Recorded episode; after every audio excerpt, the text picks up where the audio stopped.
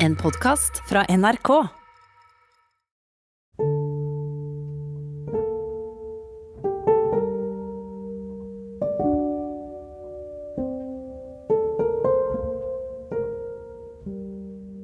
Det er påsken i 2019, den siste påsken, og Ari skal stille ut bildene sine på Gabba Gallery i Los Angeles. Denne utstillingen kan gi ham en karriere som kunstner på et nytt, stort kontinent, men for Aris nærmeste er det noe viktigere som står på spill. Håpet om at Ari skal få tilbake troen på seg selv, og troen på livet. Dette er del sju av fortellingen om Ari. Jeg heter Joakim Førsund.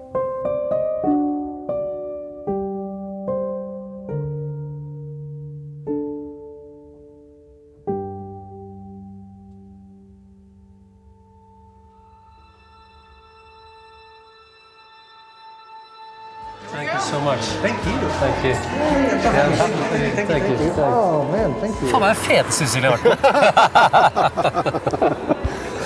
Og det, er- det er vår. Det var vår ja, vår seng. Ja. Det er legendarisk. helt vilt. Han klarte seg veldig bra. Selvfølgelig. Jeg visste jo det. Det hadde jo vært kjempesuksess. Da han kom hjem, så var han bare helt utslitt. Ja. Og var ikke spesielt fornøyd heller. Så det var på en måte ikke noe Det var ikke noe entusiastisk Ari som kom hjem og tenkte at det hadde vært helt, helt fantastisk, og nå begynner det. Eh, nå er jeg på vei ut i verden med kunsten.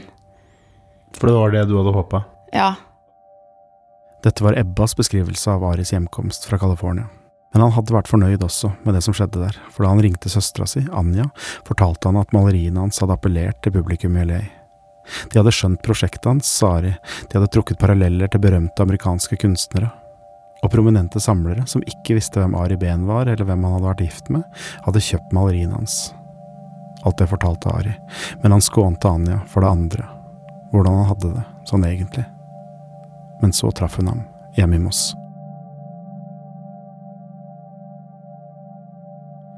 Kunne du se det på han at han ikke hadde noe bra? Ja, det kunne man. Um, jeg tror at han, at han um, skånet meg for det, for det verste, fordi det um, ser jeg jo nå i etterkant. Uh, han måtte jo vise Selv da, når han hadde det som vanskeligst, så viste han en um, styrke i det at han Og en omsorg, da, i det at han skånet um, meg for det verste. Han ville være der. Han ville være storebroren. Han ville være den som, som skulle være sterk og vise vei, da.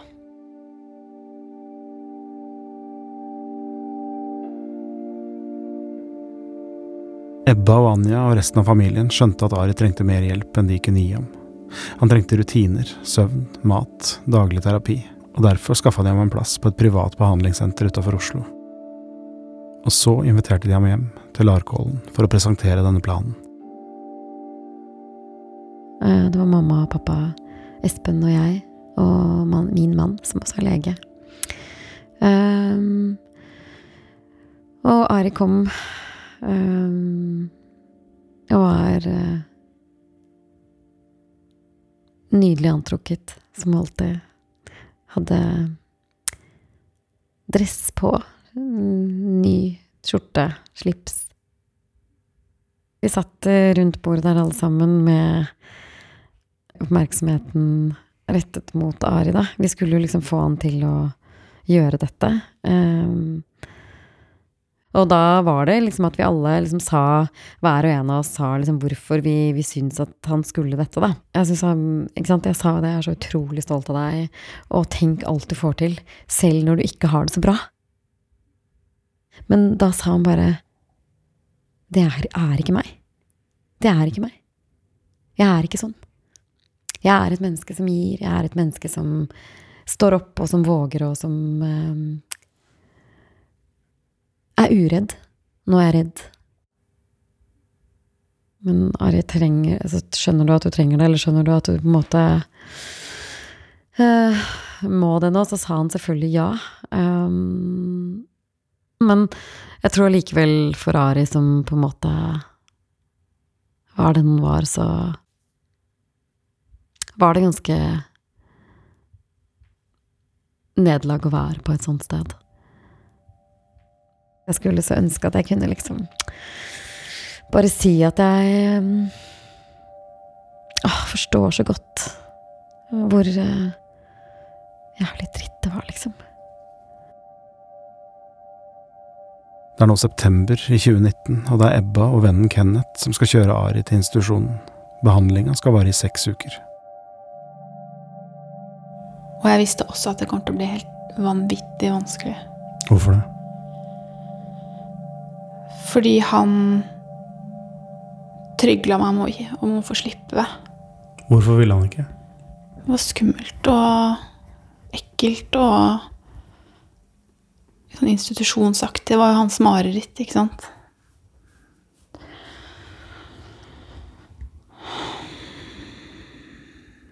Men da var det jo sånn at man skjønte jo at ikke, han måtte det. Det var, det var ikke forsvarlig å ha han hjemme. Og jeg husker at jeg var veldig opptatt av at han skulle ha med seg Mac-en sin, så han kunne Kanskje, hvis han fikk eh, noe inspirasjon til å skrive. Det var jo det viktigste. Og maling. Kenneth tok med lerreter og Herregud. Hvorfor sier du herregud? For vi prøvde så veldig hardt. Og håpa så innmari at han på en måte skulle ringe par dager etterpå og si at i dag har jeg malt et mesterverk. Eller ringte meg og skulle lese opp noe han hadde skrevet. Altså, det var liksom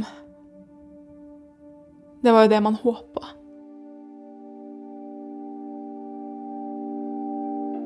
Ari fullfører behandlinga. Han blir på klinikken til midten av oktober.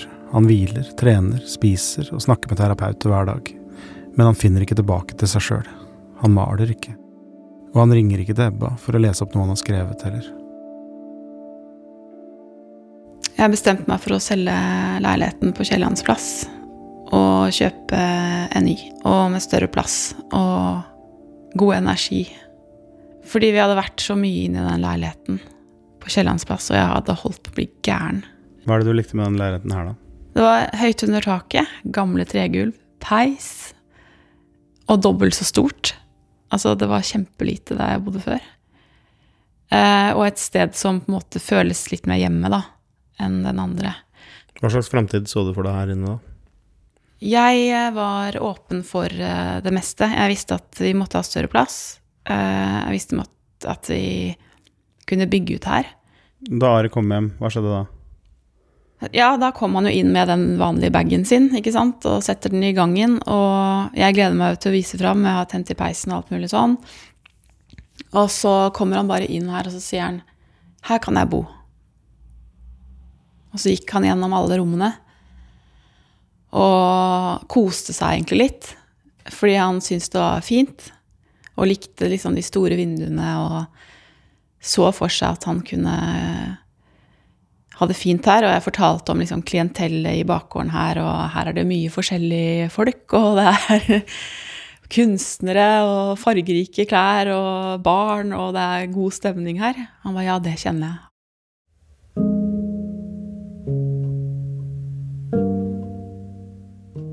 Leiligheten Ebba beskriver, er leiligheten vi sitter i nå. Det er her vi gjør alle disse intervjuene. Den ligger i en fin, gul hjørnegård øverst på Torshov, like ved et bakeri og en stor, grønn park.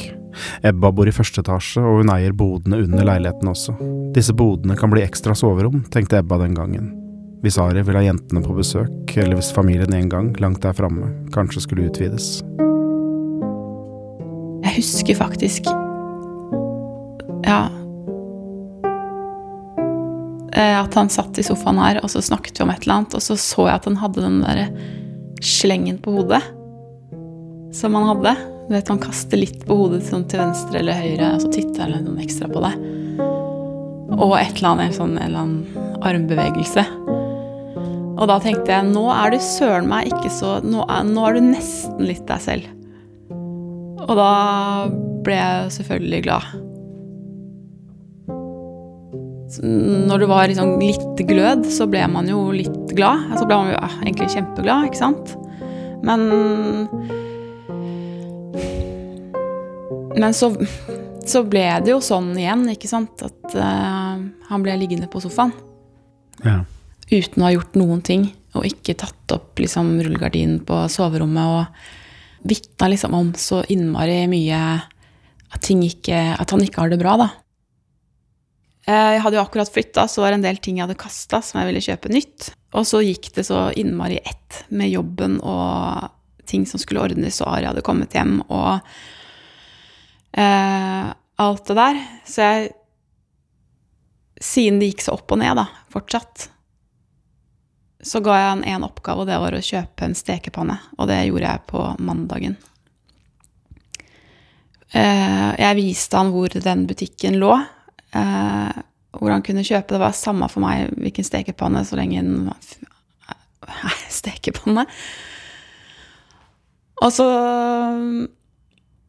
maste jeg ikke noe mer om den stekepanna. Jeg bare ga han den oppgaven og sa det er veldig viktig for meg at du får kjøpt den stekepanna, for da kan jeg lage taco på fredag.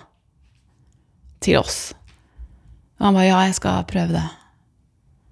Og så sa jeg ikke noe mer om det. Og så kom jeg hjem hver dag. Ikke noe stekepanne. Onsdag ikke noe stekepanne. Torsdag ikke noe stekepanne.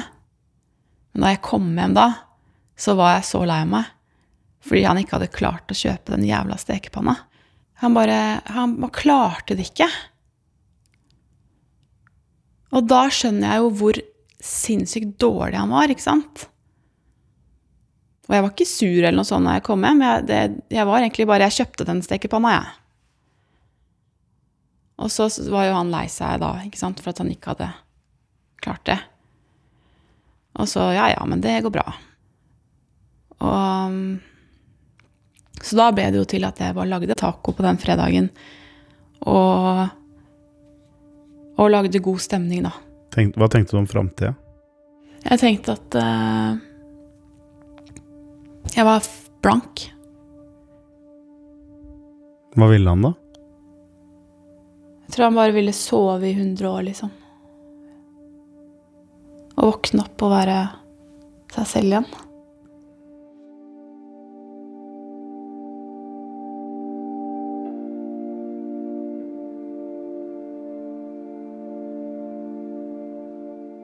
Vi forlater dem der, Ari og hans nærmeste, for nå er det blitt oktober i 2019. Det går mot slutten, og den slutten skal de få ha i fred. De prøvde og prøvde den høsten å få Ari ut av mørket. Prøvde å få ham til å skrive, til å male, til å spise, til å trekke gardinene til side og se ut framover. Ebba prøvde, Anja prøvde, familien prøvde, fagfolk prøvde, venner prøvde. Men de fikk ikke Ari på beina. Og så kom jula. Den siste jula.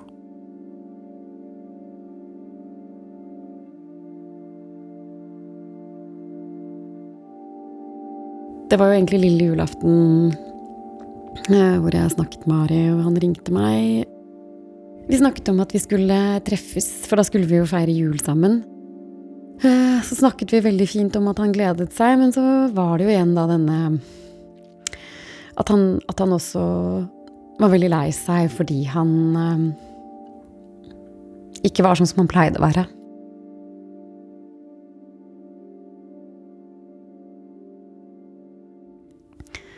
Og den Det at han alltid Eller at han hadde begynt å unnskylde seg det, for hvordan han var, det, det kom liksom litt den siste tiden. Og det at han ikke kunne bidra kanskje så mye som han pleide å gjøre. Og da var det at jeg sa at det viktigste var at vi var sammen, og det gjorde ingenting. Vi kjenner hverandre så godt, og vi er bare familie, skulle bare være oss nærmeste i familien. Og man må liksom ikke noe prestere noe da, eller være noe annet enn der man akkurat er, da.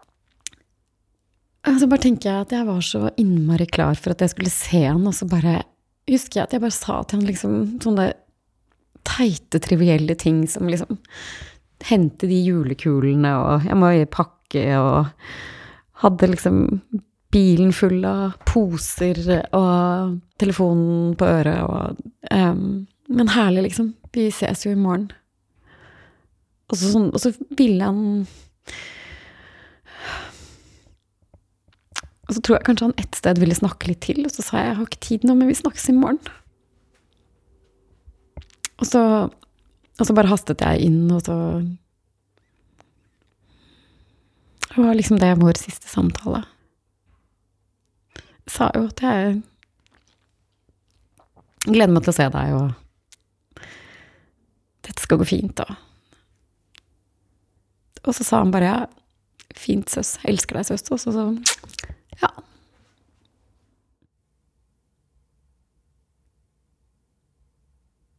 Og så skulle vi da til Laurkallen og være sammen, alle sammen der, um, hos mine, eller våre foreldre.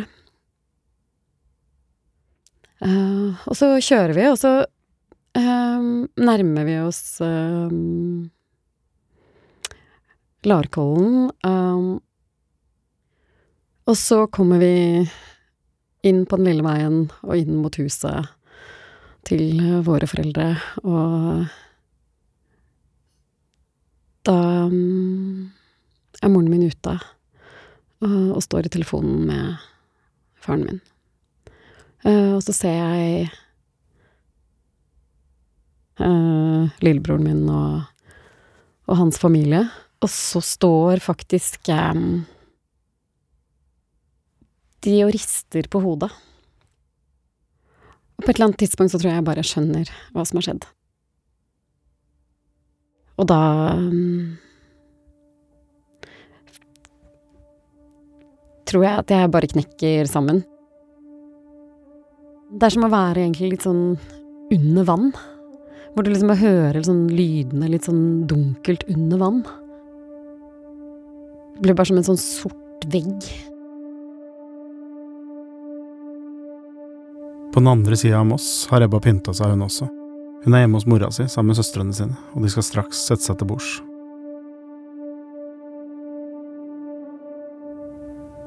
Vi er jo stor familie, så vi, vi alle er jo hjemme.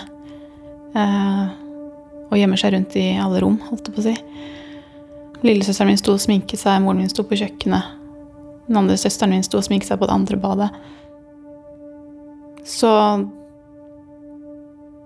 når jeg fikk beskjeden av Olav, så så kom, kom det jo bare løpende fra rommene de var i.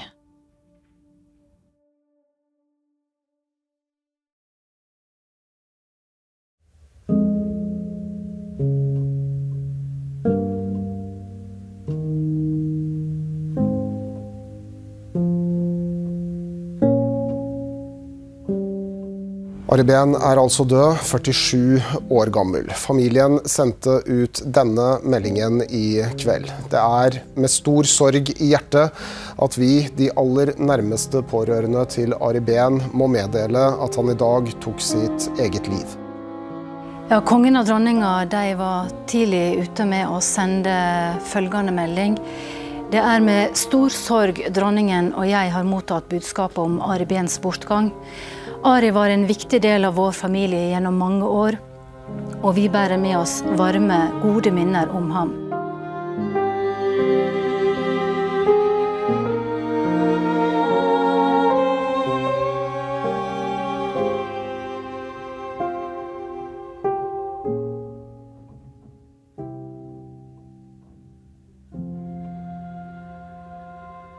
Og så strømmet det jo faktisk inn ganske fortløpende da, egentlig fra folket, da. Allerede den første dagen. Fra, fra alle, fra kjente, ukjente. Eh, kondolanser som, som var liksom langt utenom det vi hadde kunne forestilt oss. Det var en utrolig mm, omsorg og et nærvær fra fjern og nær som var så fantastisk og støttende, fordi det var så utrolig mange fine ting som ble sagt om Ari, og, og viktigheten av Ari som person, og hva han har betydd for så mange, som ikke vi kjente, og som ikke vi visste om. Um, det tenker jeg har betydd enormt mye for oss, og jeg tror også det at Altså midt oppi alt at man kan si at uh, vi har vært så heldige jeg tenker Altså, mine tanker går til de som ikke har det rundt seg. Hvor ensomt og hvor tøft det må være Altså, i en så heftig situasjon, så Så kunne vi da um, At vi ble liksom båret av et folk, da.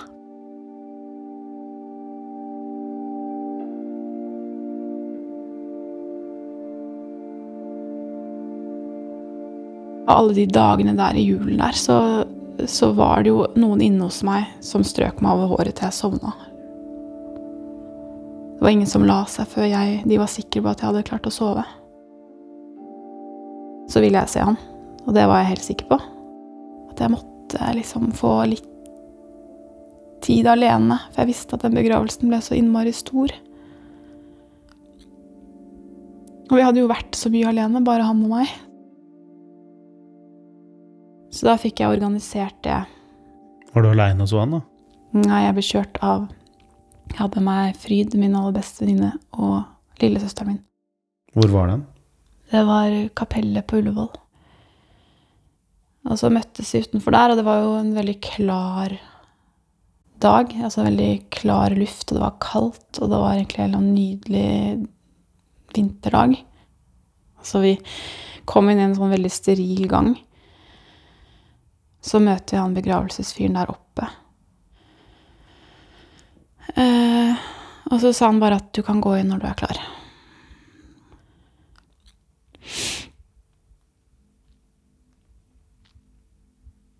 Og så åpner jeg, åpner jeg døra, og så bare ble jeg stående i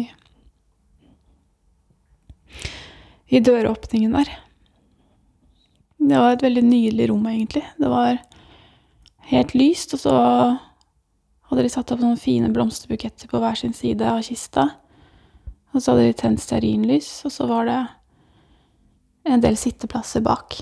Så det var egentlig sånn minikirke.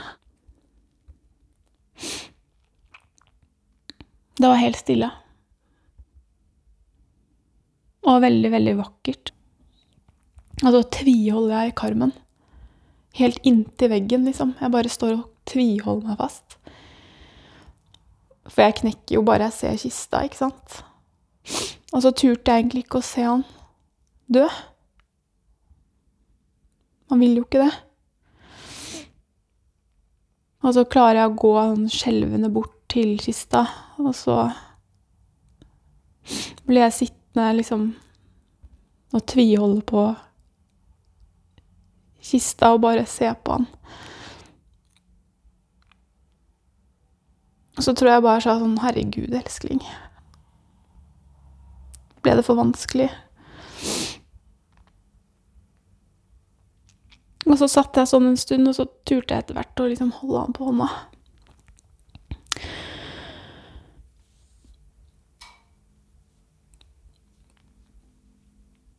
Han var veldig, han var veldig fin. Syns det var veldig fælt at han skulle bli kjørt bort et sted hvor det er veldig kaldt.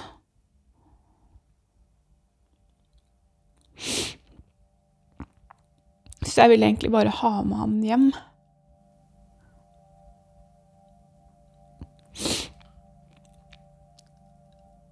Men så kom fornuften til meg etter hvert at jeg bare måtte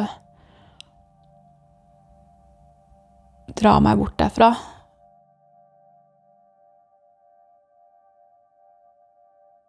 Jeg tror jo ikke på så veldig mye rart, jeg egentlig, men jeg hadde bare sånn sykt behov for at han skulle vise at han var rundt meg fortsatt. Så jeg sa, Ari, når jeg går herfra, så må du vise at du er her.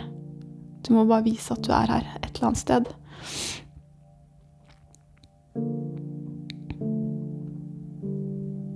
Og så klarte jeg å gå. Visste han at han var der? Ja, jeg tror jo det. Fordi det, det var altså en, som sagt en helt nydelig vinterdag.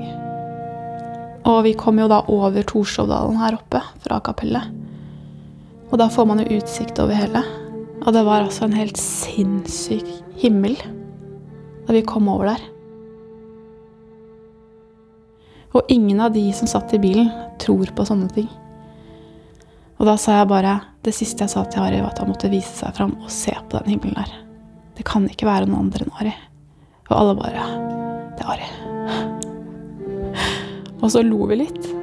Og så sa jeg bare takk og lov. Der var den. Og så var jeg liksom Ja.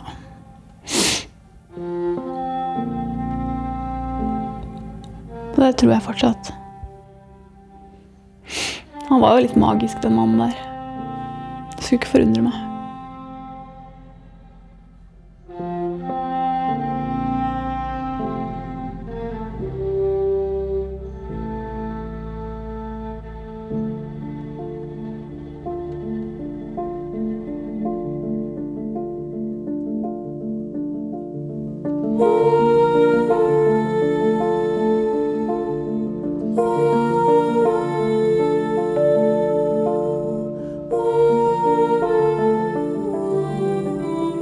Du har hørt den sjuende delen av denne fortellingen. Nå er det bare én igjen. Anja og Ebba skal ta farvel med Ari. Denne podkasten er produsert av Monster for NRK og er laget av Sigurd Øygarden Fleten, Kine Jeanette Solberg og meg, Joakim Førsund. All musikk er komponert og spilt av Ola Kvernberg, og stemmen på avslutningsbordet tilhører Kirsti Huke. Eksekutiv produsent i Monster er Vibeke Rolland, og vår redaktør i NRK er Miriam Minyares.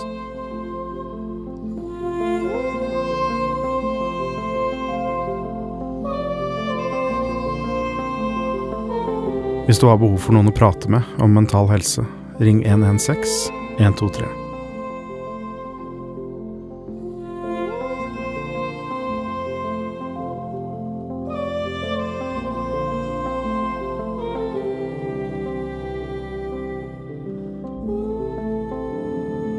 Du har hørt en podkast fra NRK.